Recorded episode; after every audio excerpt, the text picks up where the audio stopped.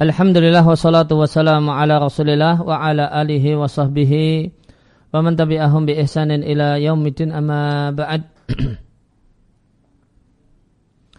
Kaum muslimin dan muslimah rahimani wa rahimakumullah.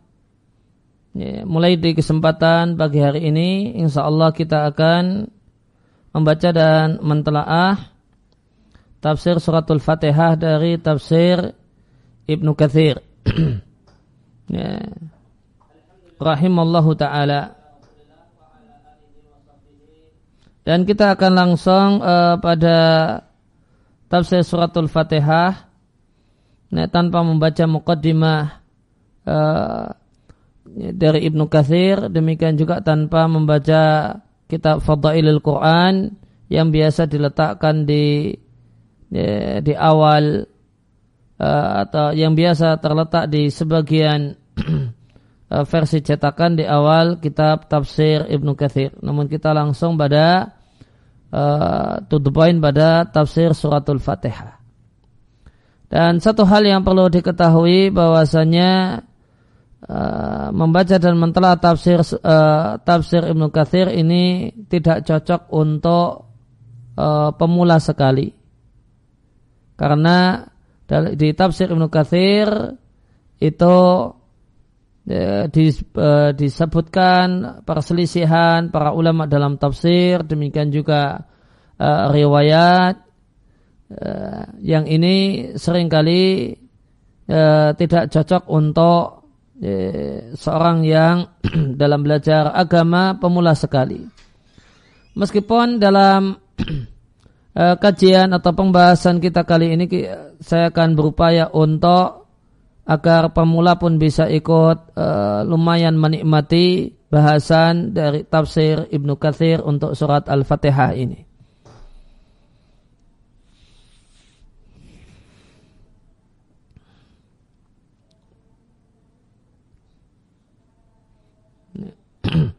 Dan tentu pembahasan tentang uh, tafsir surat Al-Fatihah satu hal yang sangat penting ya, karena surat Al-Fatihah ini adalah surat yang setiap hari kita baca berkali-kali. Dan semestinya kita membaca surat ini dalam keadaan mengetahui maknanya dan uh, makna maksud dan kandungannya. Dan alat penting untuk bisa mengetahui uh, dan alat alat penting untuk bisa merenungkan uh, ayat-ayat Al-Quran yang kita baca adalah dengan mengetahui tafsirnya.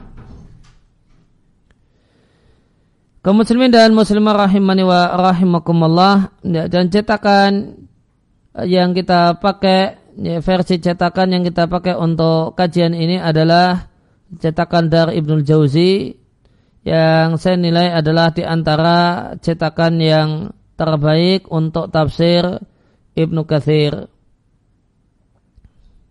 Hmm. Dan di di jilid satu dari tafsir uh, dari cetakan dari Ibnul Jauzi Arab Saudi itu terdapat takhid hadis dari muhadis negeri Mesir Syekh Abu Ishaq Al-Huwaini namun uh, di, dicetakan dari Ibnul Jauzi ini takhid beliau itu diringkas sebisa mungkin karena aslinya tafsir uh, takhid hadis dari Syekh Abu Ishaq untuk tafsir Ibnu Katsir itu adalah takhid yang luas. Dan untuk takhid tersebut nanti akan uh, beberapa yang dirasa penting akan kita baca seperlunya dan secukupnya. Dan perlu diketahui oleh Bapak dan Ibu sekalian rahimani wa rahimakumullah bahasanya versi terjemahan yang beredar di tempat kita untuk tafsir Ibnu Katsir semuanya adalah mukhtasar tafsir Ibnu Katsir. maka tafsir Ibnu Katsir dalam bentuk nah, aslinya itu sebatas yang saya tahu belum pernah diterjemahkan. Terjemah tafsir Ibnu Katsir Duta Ilmu Surabaya dan uh, terjemah-terjemah berikutnya seluruhnya adalah menerjemahkan mukhtasar uh, tafsir Ibnu Katsir. Meskipun sebagian penerbit kurang jujur dalam masalah ini dan mengesankan bahwasannya yang di, di dibeli dan dibaca oleh pemba, uh, oleh pembaca adalah tafsir Ibnu Katsir padahal itu adalah mukhtasar tafsir Ibnu Katsir. Ya, sedangkan yang kita baca dan kita kaji di kesempatan kali ini dan hari-hari selanjutnya semoga Allah Subhanahu wa taala memudahkannya adalah uh, tafsir Ibnu Katsir di versi aslinya dan bukan mukhtasarnya. Ya, kita langsung masuk pada uh, halaman 145 di versi cetakan Dar Ibnu Jauzi. Ya, suratul Fatihah. Bismillahirrahmanirrahim.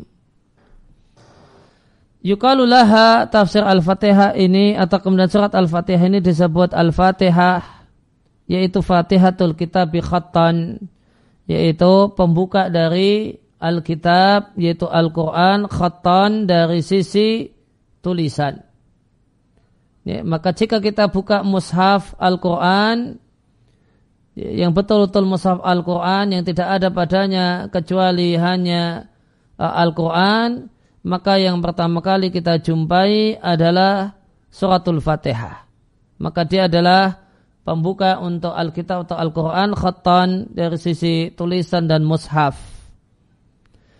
Dan makna yang kedua kenapa Al-Fatihah itu disebut Al-Fatihah adalah karena Al-Fatihah ini uh, tuftatahu al-qira'atu fis salati. Ini bacaan Al-Quran itu di dalam salat dibuka dengan suratul Fatihah. Ya, maka surat ini disebut dengan surat Al-Fatihah karena dua sebab. Yang pertama dia uh, Surat ini disebut dengan surat Al-Fatihah yang artinya pembuka karena dua sebab. Yang pertama, dialah surat pembuka dalam mushaf Al-Quran. Kemudian yang kedua adalah dia adalah surat pembuka ketika kita membaca Al-Quran dalam salat. Wa yuqalulaha aydan nama lain dari suratul Fatihah adalah Ummul Kitab dan demikianlah namanya menurut mayoritas para ulama. Sedangkan Anas bin Malik, Al-Hasan Al-Basri, Muhammad bin Sirin memakruhkan menamai Al-Fatihah dengan nama Ummul Kitab. Al-Hasan Al-Basri dan Muhammad bin Sirin mengatakan hanyalah nama Ummul Kitab itu tertuju untuk Lauhil Mahfuz. Sedangkan Al-Hasan Al-Basri mengatakan Al-ayatu al-muhkamat, ayat yang muhkamat yang jelas makna pesan dan kandungannya itulah yang disebut dengan ummul kitab. Ya, wa kadza kariha aidan ayqala umul Quran. Demikian juga menurut beliau ya tidaklah disukai menyebut Al-Fatihah dengan sebutan Ummul Quran. Maka nama nama yang kedua untuk Al-Fatihah adalah Ummul Kitab namun menamai Al-Fatihah dengan nama um, uh, dengan nama Umul Kitab diperselisihkan oleh para ulama boleh tidaknya. Jumhur ulama membolehkannya, namun sejumlah ulama salaf ada sahabat Nabi Anas bin Malik, ya, ada ya, tabiin Al Hasan Al Basri dan Muhammad bin Sirin uh, tidak setuju dan tidak sepakat menamai uh, tidak setuju dan tidak sepakat dengan penamaan Al-Fatihah dengan nama Umul Kitab.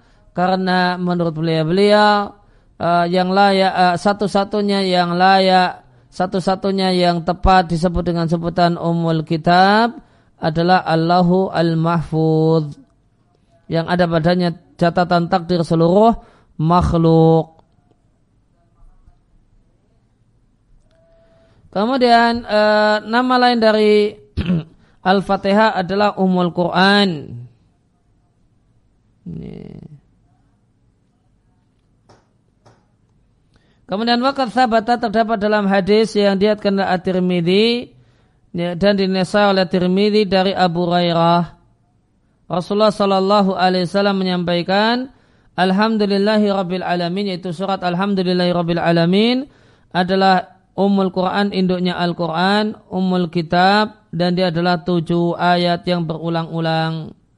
Wa yuqalu laha asabu al-mathani dan Al-Fatihah itu disebut juga dengan sebutan tujuh ayat yang berulang-ulang dan disebut juga dengan sebutan ya, Al-Quranul Azim, bacaan yang agung dan mulia.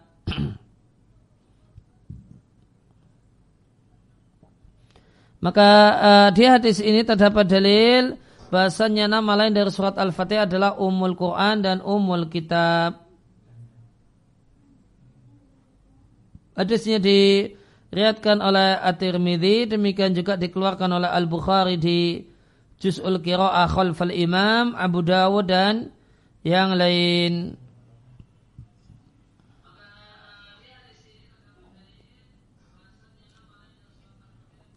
Kemudian nama lain dari wa dan nama lain dari surat Al-Fatihah adalah surat Alhamdu.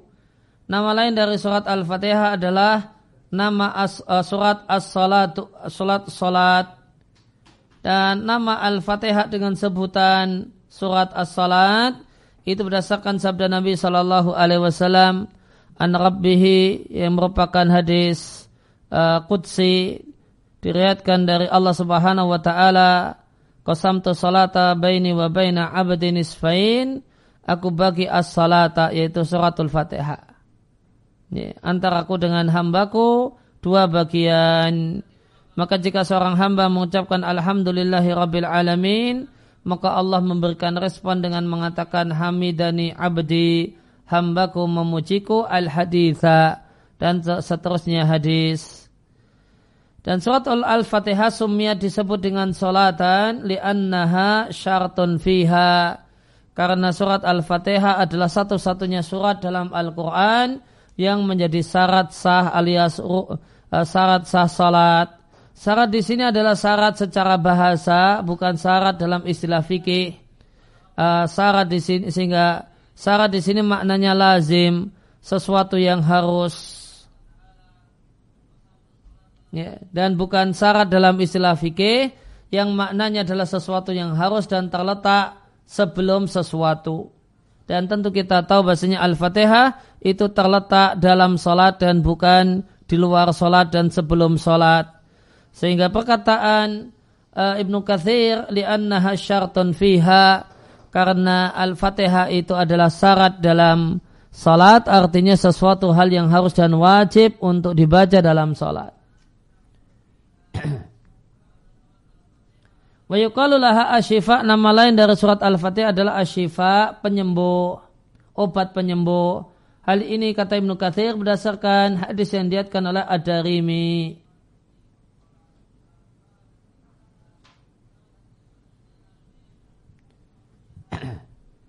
uh, uh, berkenaan dengan perkataan Ibnu Katsir diriatkan oleh Ad-Darimi ada komentar yang menarik untuk kita baca di catatan kaki. Demikian yang dikatakan Ibnu Katsir dan Ibnu Katsir e, mengalami waham salah paham dalam hal ini.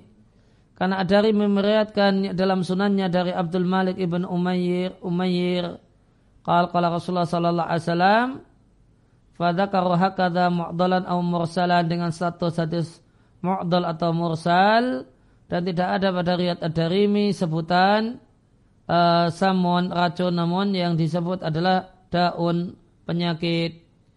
Kemudian uh, diketahuilah oleh si uh, yaitu Sa Abu Ishaq Al-Huwaini hafizallahu taala. Bahasanya Ibnu Katsir mengikuti Qurtubi dalam salah paham ini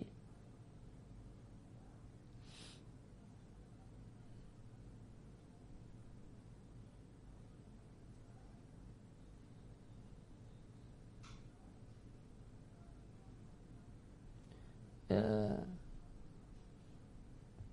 ya maka uh, diriatkan oleh kata uh, kata Ibnu Katsir diriatkan Ad-Darimi dari Abu Sa'id marfu'an sabda Nabi. Fatihatul Kitabi shifaun min kulli samin. Bahasanya surat Al-Fatihah adalah obat penyembuh dari segala racun. Ya, uh, tadi kata muhakik yang betul dain obat penyembuh bagi segala penyakit.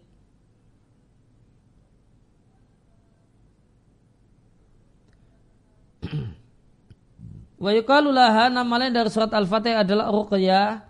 Dasarkan hadis Abu Sa'id. Fis sahih yang terdapat dalam hadis yang sahih yaitu Sahih Bukhari dan Sahih Muslim.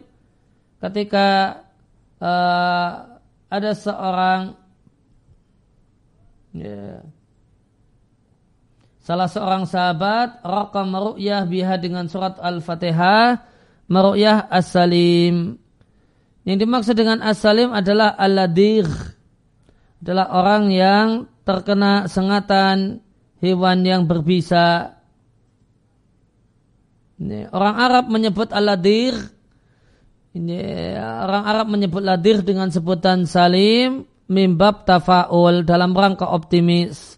Bahasanya orang yang terkena sengatan hewan berbisa insya Allah itu akan sembuh dan dan sehat. Sebagaimana orang Arab menyebut lautan pasir alias padang pasir yang merupakan mahlak kebinasaan itu disebut oleh orang Arab dengan sebutan mafaza tempat keberuntungan mimba bitafaul dalam rangka untuk menimbulkan optimis diri dan hati. Kalau orang melewati padang pasir insya Allah selamat. Faqala Rasulullah sallallahu alaihi wasallam lantas Rasulullah sallallahu alaihi wasallam berkata kepadanya Wa ma yudrika annaha ruqyatun dari manakah engkau tahu bahasanya surat Al-Fatihah itu ruqyah atau tadi cara bacanya hina raqabiya arajulas salima. Dibaca cara rajulas salima. Ketika raka uh, Abu Sa'id Al-Khudri meruqyah biha dengan Al-Fatihah berarti fa'ilnya Abu Sa'id biha dengannya Al-Fatihah ar-rajula salima ay ar-rajula alladhiqa orang yang tersengat uh, binatang yang berbisa. Dan dilihatkan oleh Asy-Sya'bi dari Ibnu Abbas bahasanya Ibnu Abbas menamai Al-Fatihah dengan sebutan asas Al-Quran. Qal Ibnu Abbas mengatakan Wa asasuha dan asasnya adalah Bismillahirrahmanirrahim yaitu suratul Fatihah. Sedangkan Sufyan ibn Uyainah menamai suratul Al-Fatihah dengan sebutan surat Al-Waqiyah, surat yang melindungi.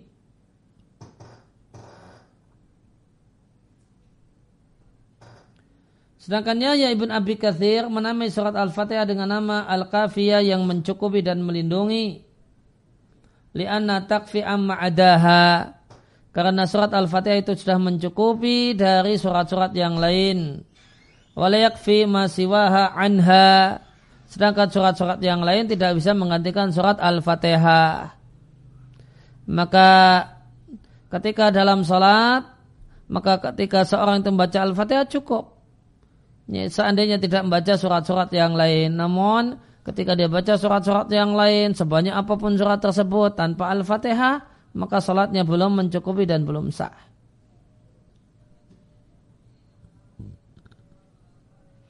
Kama ja'a fi ba'dil ahadisil mursalah sebagaimana terdapat di sebagian hadis mursal. Ya, Nabi mengatakan umul Quran yaitu Al-Fatihah iwadun min ghairiha bisa menggantikan surat-surat yang, la yang lain walaysa ghairuha iwadan minha. Namun surat-surat yang lain tidak bisa menggantikan Al-Fatihah. Ya, ada catatan kaki yang menarik ya, di tentang hal ini, catatan kaki 10. Demikian dikatakan oleh Ibnu Katsir bahasanya hadis ini mursal wala wajaha lihadil lafdhati namun tidak ada alasan yang tepat untuk mengatakan demikian karena hadis ini muttasil ini adalah hadis yang bersambung kama ya'ti laisa mursalin bukan mursal.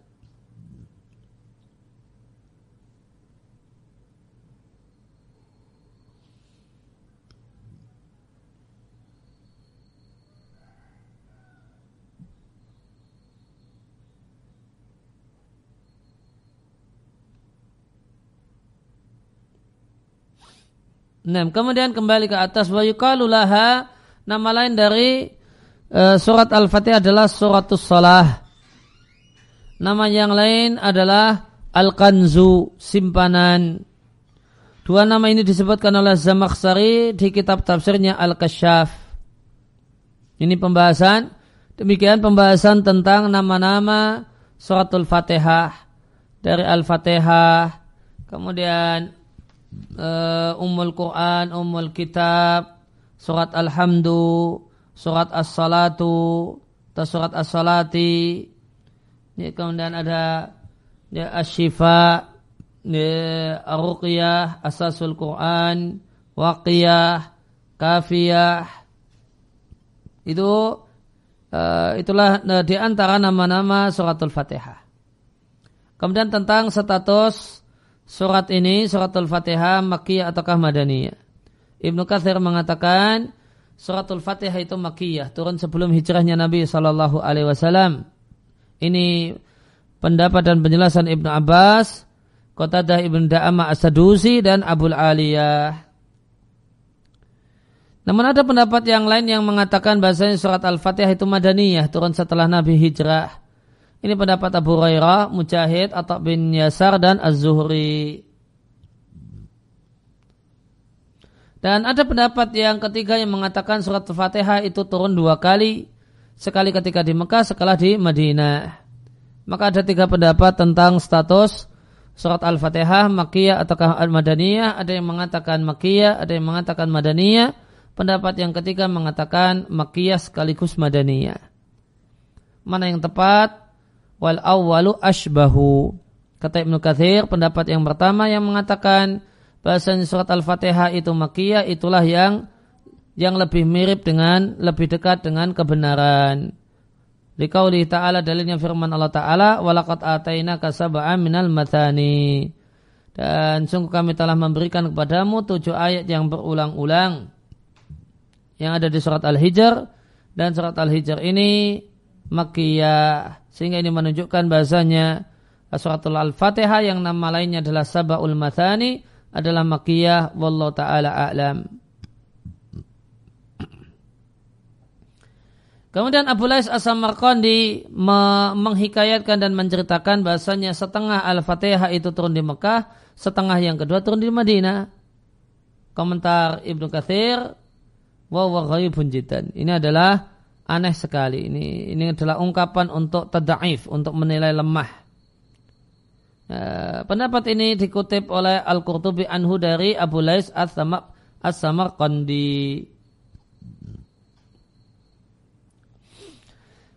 Kemudian selanjutnya wahya dan suratul al-fatihah itu tujuh ayat tanpa ada perselisihan di antara para ulama. Semua ulama sepakat al-fatihah itu tujuh ayat. Namun Amr bin Ubaid mengatakan delapan ayat, Husain al-Ju'fi mengatakan enam ayat, dan dua pendapat ini adalah dua pendapat yang nyeleneh. Maka kita lihat beliau bawakan dua pendapat yang beliau nilai nyeleneh dan di bagian par awal paragraf beliau katakan Al-Fatihah adalah tujuh ayat tanpa ada perselisihan. Maka di sini kita jumpai faedah bahasanya pendapat yang dianggap nyeleneh itu tidaklah e, membatalkan kesepakatan. Ya, ketika ada pendapat yang statusnya nyeleneh, maka tetap saja meskipun ada pendapat yang nyeleneh, maka tetap sah kita katakan tidak ada perselisihan dalam masalah ini karena ada yang menyelisih namun itu pendapat yang dinilai sadun pendapat yang nyeleneh dan menyimpang. Ya, maka tujuh ayat, uh, maka Al-Fatihah adalah tujuh ayat dengan uh, sepakat para ulama tanpa ada perselisihan, cuma mereka berselisih tentang basmalah. Apakah basmalah itu ayat yang berdiri sendiri? Ya, ya ayatun mustaqilatun min awaliha yang terletak di awal Al-Fatihah sebagaimana pendapat yang masyur dari jumhur para ahli Quran dari kota Kufah dan ini adalah pendapat uh, sejumlah sahabat dan tabi'in wa khalqun minal khalafi dan sejumlah uh, wa, wa, khalqun minal khalaf dan pendapat sejumlah dari uh, ulama khalaf ataukah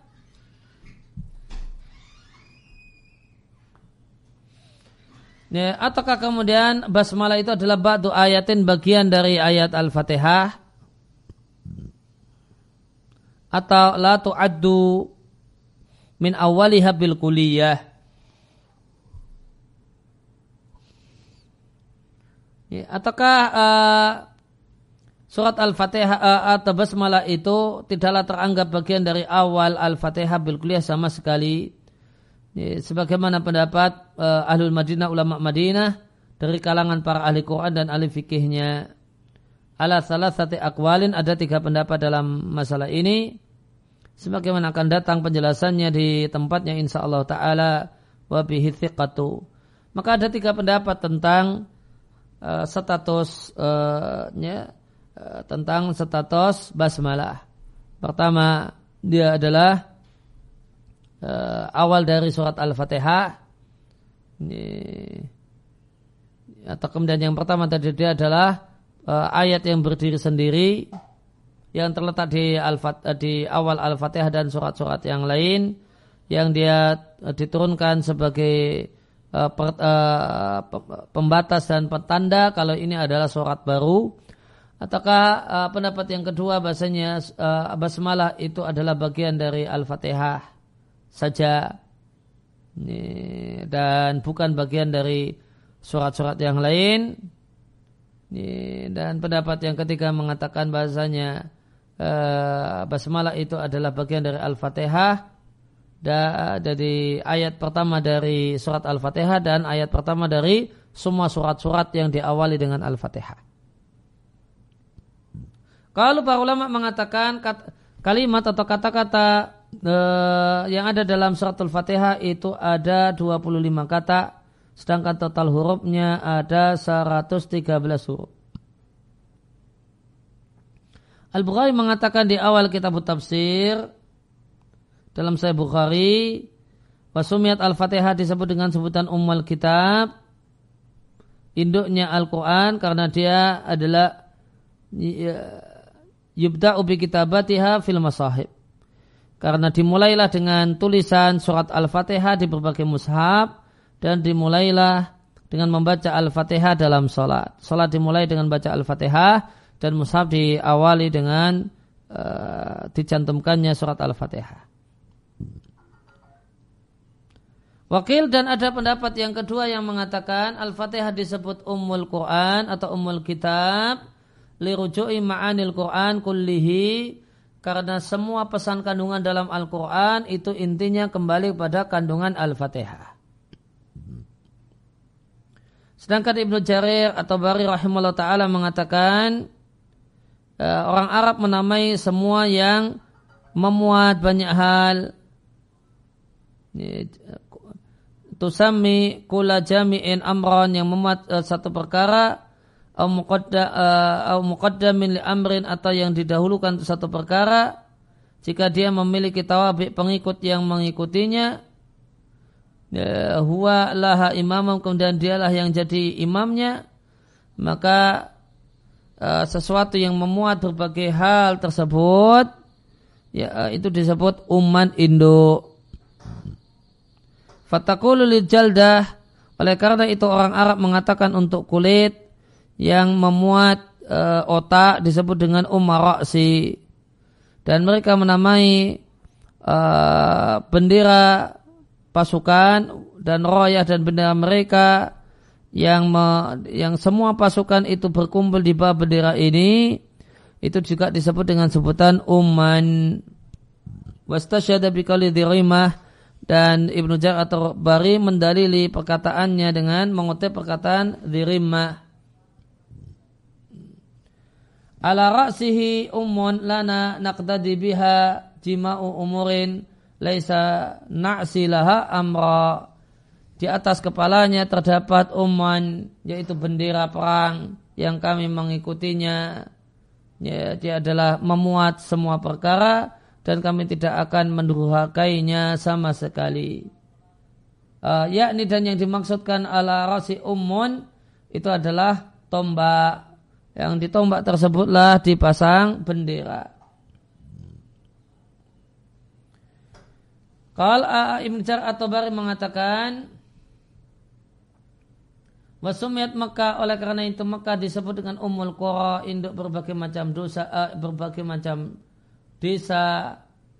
Litaqaddumiha amama jami'iha. Karena uh, Mekah itu di depan taqaddum berada di depan amama di depan semua desa-desa. Wajam uha masih waha dan karena Mekah itu memuat yang lainnya. Wakila dan dikatakan li annal arda al uh, umul uh, Mekah itu disebut umul qura. Ada yang menjelaskan ya, li annal arda duhiyat minha. Karena bumi seluruhnya itu di, dihamparkan dimulai dari kota Mekah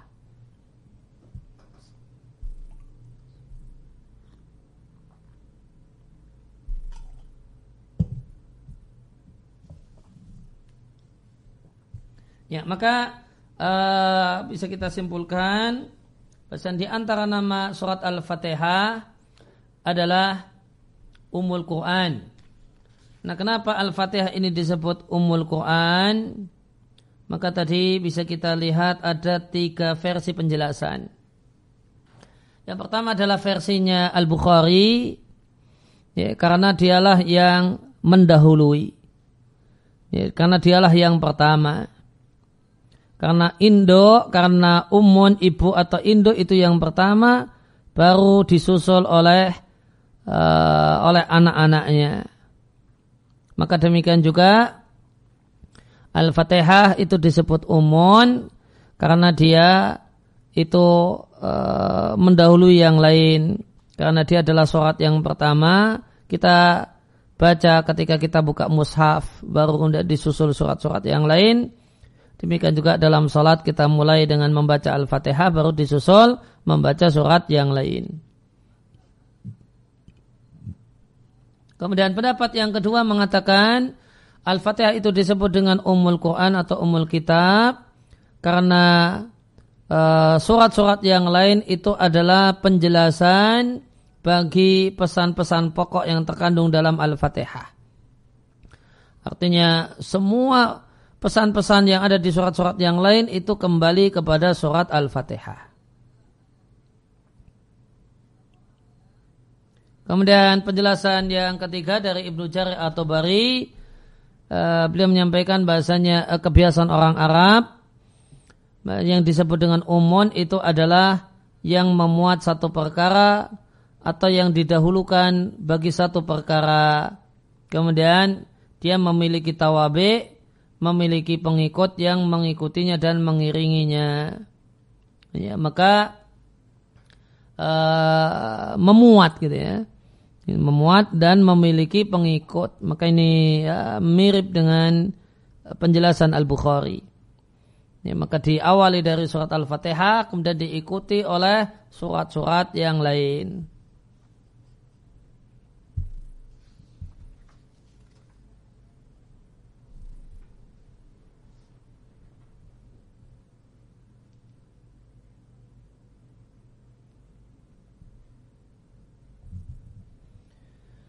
Kemudian selanjutnya wa yuqalu laha aidan ya, nama lain dari atau nama lain untuk surat Al-Fatihah adalah Al-Fatihah li'annaha karena surat Al-Fatihah ini adalah surat pembuka bacaan Al-Qur'an dalam salat.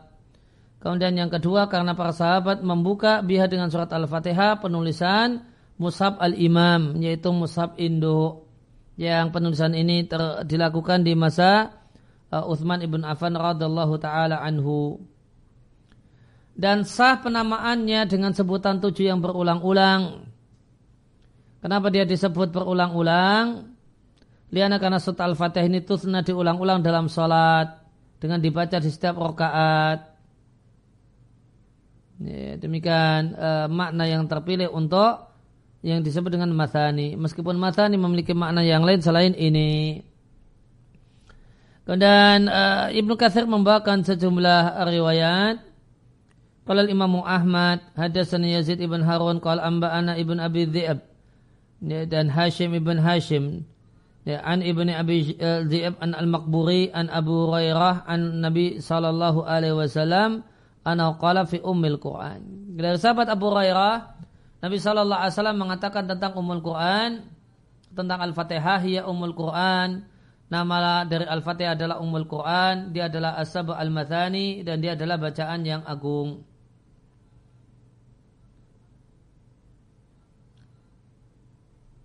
Semua rawahu demikian juga hadis ini di, juga diriatkan oleh Imam Ahmad dari Ismail bin Umar dari Ibn Abi Dhaib bihi dengan redaksi di atas.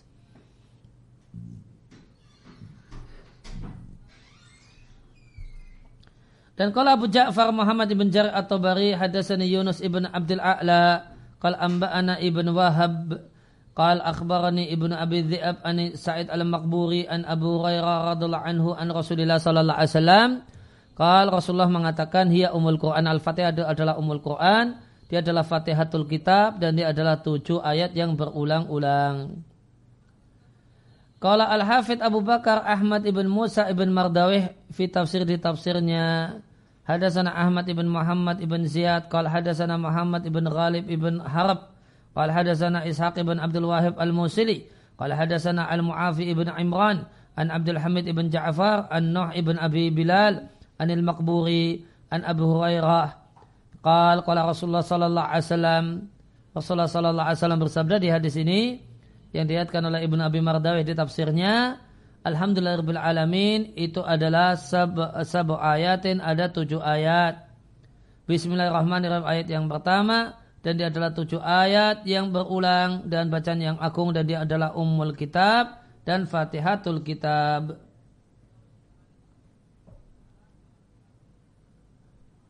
Wakat ada rukudni dan hadis ini juga dilihatkan ada rukudni dari Abu Hurairah marfu'an dengan uh, secara marfu' sabda Nabi binahwihi dengan redaksi yang mirip au misli atau sama persis.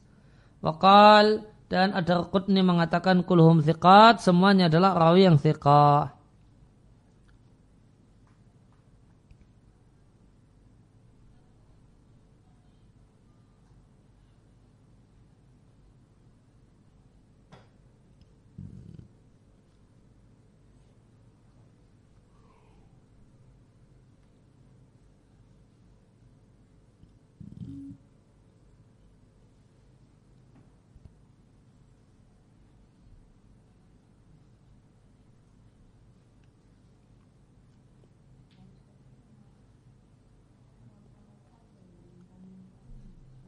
Dan perlu diketahui bahasanya hadis ini uh, menjadi dasar uh, ya, hadis ini menjadi dasar bagi ulama yang mengatakan bahasa Bismillahirrahmanirrahim adalah bagian dari surat Al-Fatihah. Karena di hadis ini disampaikan Bismillahirrahmanirrahim ihdahunna. Bismillahirrahmanirrahim adalah salah satu dari tujuh ayat tersebut.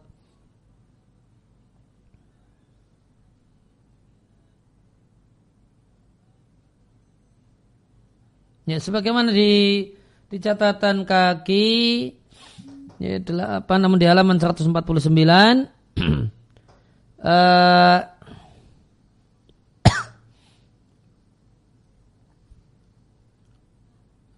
ya Rahu Sa'labi min Tarki Yazid bin Sinan hadasana Abu Bakar Al-Hanafi hadasana Nuh ibn Abi Bilal qala sami'tu Sa'id Al-Maqburi an Abu Hurairah qal idza qara'tum ummal Qur'an jika kalian membaca umul Quran maka janganlah eh, jangan tinggalkan Bismillahirrahmanirrahim karena dia salah satu ayatnya. Wa in ada Al-Fatihah itu tujuh ayat yang berulang-ulang. Demikian disebutkan secara mauquf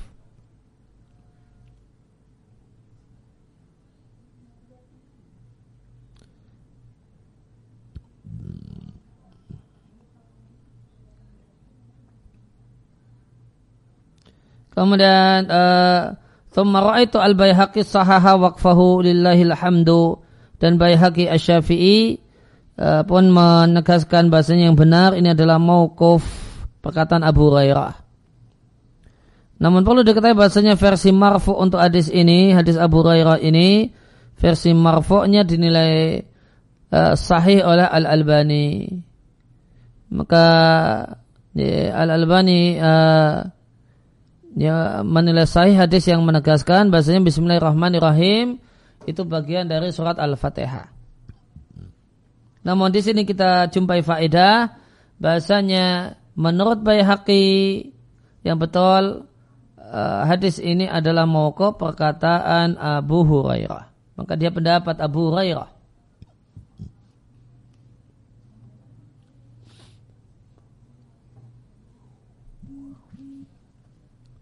Ya, kembali ke atas. Diatkan Awarawa al-Bayhaqi diatkan al-Bayhaqi dari Ali Ibn Abbas Abu Hurairah bahasanya mereka menafsirkan firman Allah Ta'ala saban minal mathani maksudnya menurut Ali Ibn Abbas dan Abu Hurairah adalah surat Al-Fatihah. Wa ana basmalah dan basmalah adalah ayat yang ketujuh ada salah, uh, ayat yang ketujuh itu maksudnya salah satu ayat minha dari Al-Fatihah. Waqatra al-A'mas al-A'mas dari Ibrahim. Qal Ibrahim An-Nakhai mengatakan Qila ibn Mas'udin? Ditanyakan kepada Abdullah bin Mas'ud lima lam tuktab al-Fatihah fi mushafika? Kenapa? Lima lam taktub al-Fatihah fi mushafika? Kenapa engkau tidak menulis al-Fatihah di mushafmu? Fakal maka Ibnu Mas'ud mengatakan seandainya aku tulis di Ya, niscaya akan aku tulislah kata Tuhan, niscaya akan aku akan menulisnya di awal semua surat. Kalau Abu Bakar bin Dawud, ya ini haitsu yaqra'u fi salati, yaitu di mana dibaca dalam salat. Ya, qal ya, Ibnu Abbas eh, Ibnu Mas'ud mengatakan waktu itu aku mencukupkan diri dengan hafalnya kaum muslimin membaca basmalah an kitabatiha sehingga aku tidak perlu berpandang tidak perlu menuliskannya.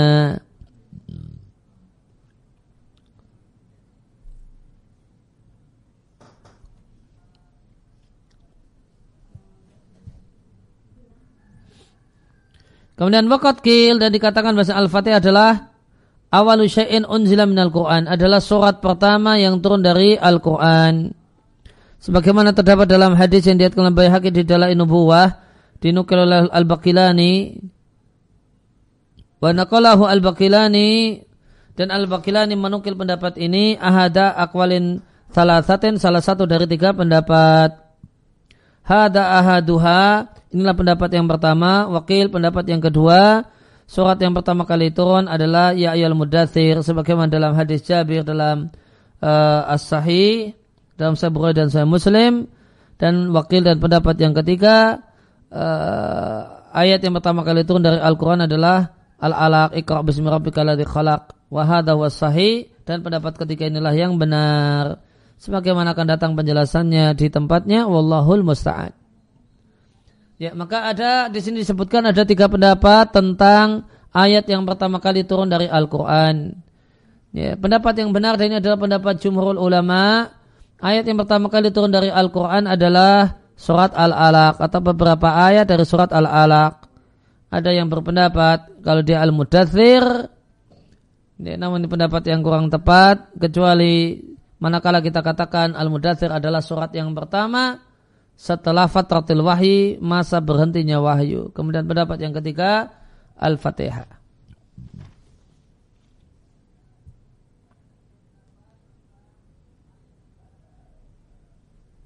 Ya, kemudian dzikru mawarada fi fatil Fatihah. Ya, pembahasan tentang mawarada hadis-hadis yang berkenaan dengan keutamaan surat Al-Fatihah. Imam Ahmad qala al-Imam Ahmad ibnu Muhammadin ibnu Hambalin maka nama asli Imam Ahmad itu adalah Ahmad bin Muhammad bin Hambal. Jadi Hambal itu nama kakeknya. Ya, namun yang lebih familiar kita dengar dan kita baca Imam Ahmad bin Hambal. Maka ini menunjukkan bolehnya menisbatkan seseorang kepada uh, kepada kakeknya. Sebagaimana Nabi Shallallahu Alaihi Wasallam saat perang Hunain. Wa ana ibnu Abdul ab, uh, wa ana ibnu Abdul Muttalib. Aku adalah anaknya Abdul Muttalib yaitu kakek beliau. Imam Ahmad rahimahullah taala mengatakan di musnadnya hadasana Yahya ibn Sa'id an Syu'bah Hadasani Khabib ibn Abdurrahman an, an Hafiz ibn Asim an Abi Sa'id ibn Mu'li radhiyallahu anhu qal Aku sedang salat maka Rasulullah sallallahu alaihi wasallam memanggilku dan aku tidak menjawab panggilan Nabi sampai aku selesaikan salatku. Qal wa itu aku mendatangi Nabi faqal Lantas Nabi mengatakan, apa yang menghalangimu untuk datang kepada aku? Eh, aku katakan ya Rasulullah, aku sedang sholat. Maka Rasul katakan, bukankah Allah Ta'ala berfirman, wahai orang-orang yang beriman, istajibu lillahi wali rasul. Ya, penuhilah panggilan Allah dan Rasulnya jika keduanya memanggil kalian untuk melakukan hal yang menghidupkan kalian. Semakal kemudian Nabi mengatakan, maka aku ajarkan padamu a'zama suratin surat yang paling aku dalam Al-Quran sebelum kau keluar dari masjid. Qal fa'arrada biyadi Nabi memegang tanganku.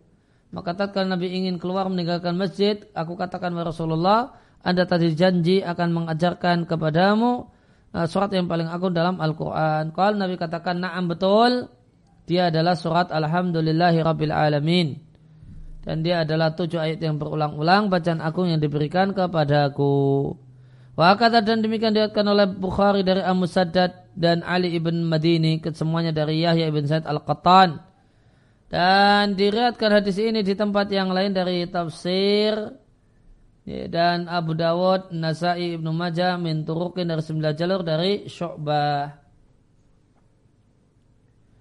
Ya, Warawahu al-Waqidi an Muhammad ibn Mu'ad al-Ansari an Khabib ibn Abdurrahman an Hafiz ibn Asim an Abu Sa'id ibn Mu'li dari an Ubay ibn Ka'ab fadha karena nahwahu beliau sebutkan redaksi yang semisal. Ya, maka di sini kita uh, jumpai faedah bahasanya ketika orang itu sedang salat sunnah kemudian dipanggil Nabi, maka semestinya dia hentikan, dia batalkan salat sunnahnya untuk mendatangi panggilan Nabi Shallallahu Alaihi Wasallam. Ini yang tepat. Namun sahabat ini tadi Abu Said ibn al-Mu'li tidak melakukan tindakan yang tepat tersebut. Kemudian di sini kita jumpai faedah bahasanya surat yang paling agung dalam Al-Quran adalah suratul Fatihah. Sedangkan ayat yang paling agung dalam Al-Quran adalah ayatul kursi.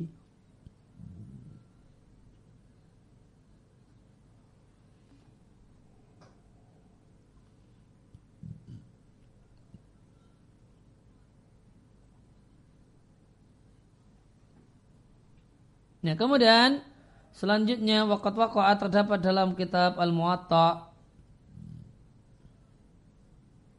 karya Imam Malik ibn Anas rahimahullah taala atau qad waqa'a terdapat pada Muwatta karya Imam Malik satu hal yang beri at-tanbih alaih sepatutnya untuk diingatkan.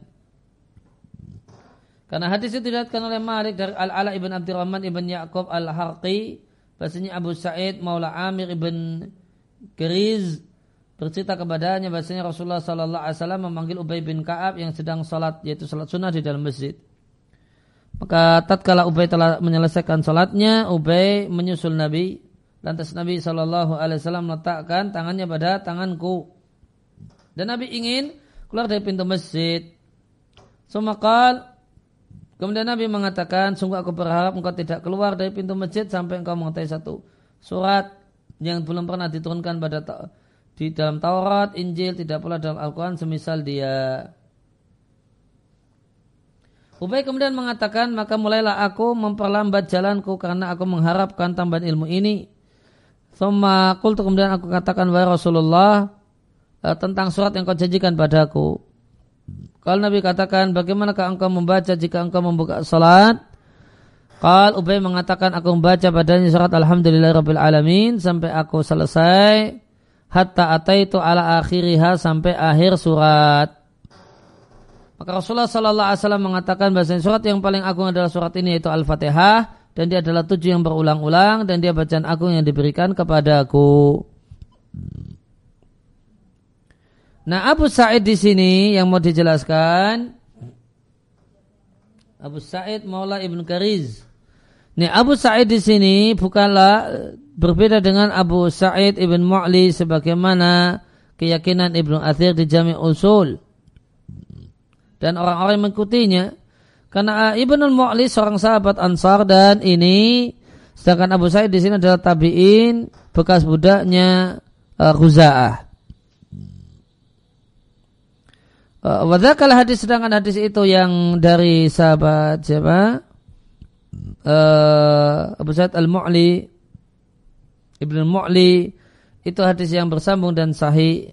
Sedangkan hadis ini zahirnya kalau dia mengkotek ilam yakun sam'uhu e, jika dia mendengar e, jika Abu Said ini mendengar hadis ini bukan dari Ubay bin Ka'ab. Namun jika dia mendengarnya dari Ubay maka orang ini ala syarti muslimin sesuai dengan syarat Imam Muslim e, ketika Imam Muslim wallahu a'lam. Ya demikian yang kita baca di kesempatan uh, pagi hari ini. Ya mudah-mudahan bermanfaat untuk saya pribadi dan uh, jemaah sekalian. Wassallallahu ala nabiyina Muhammadin wa ala alihi wa sahbihi wa salam. Wa ruda'ana alhamdulillahi rabbil alamin. Subhanaka Allahumma bihamdika. Ilaik.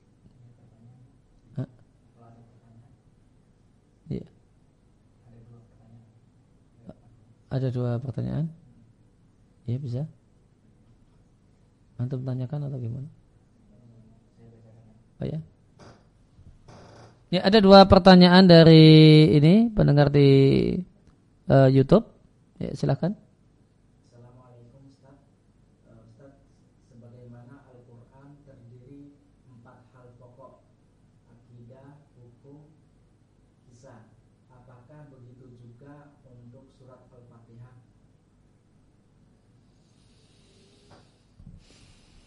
Akidah hukum Ya, di, ada penanya bertanya bahasanya di Al-Quran ada sejumlah muatan pokok yaitu akidah, hukum dan kisah. Eh, apakah itu ada di Al-Fatihah? Jawabannya ada.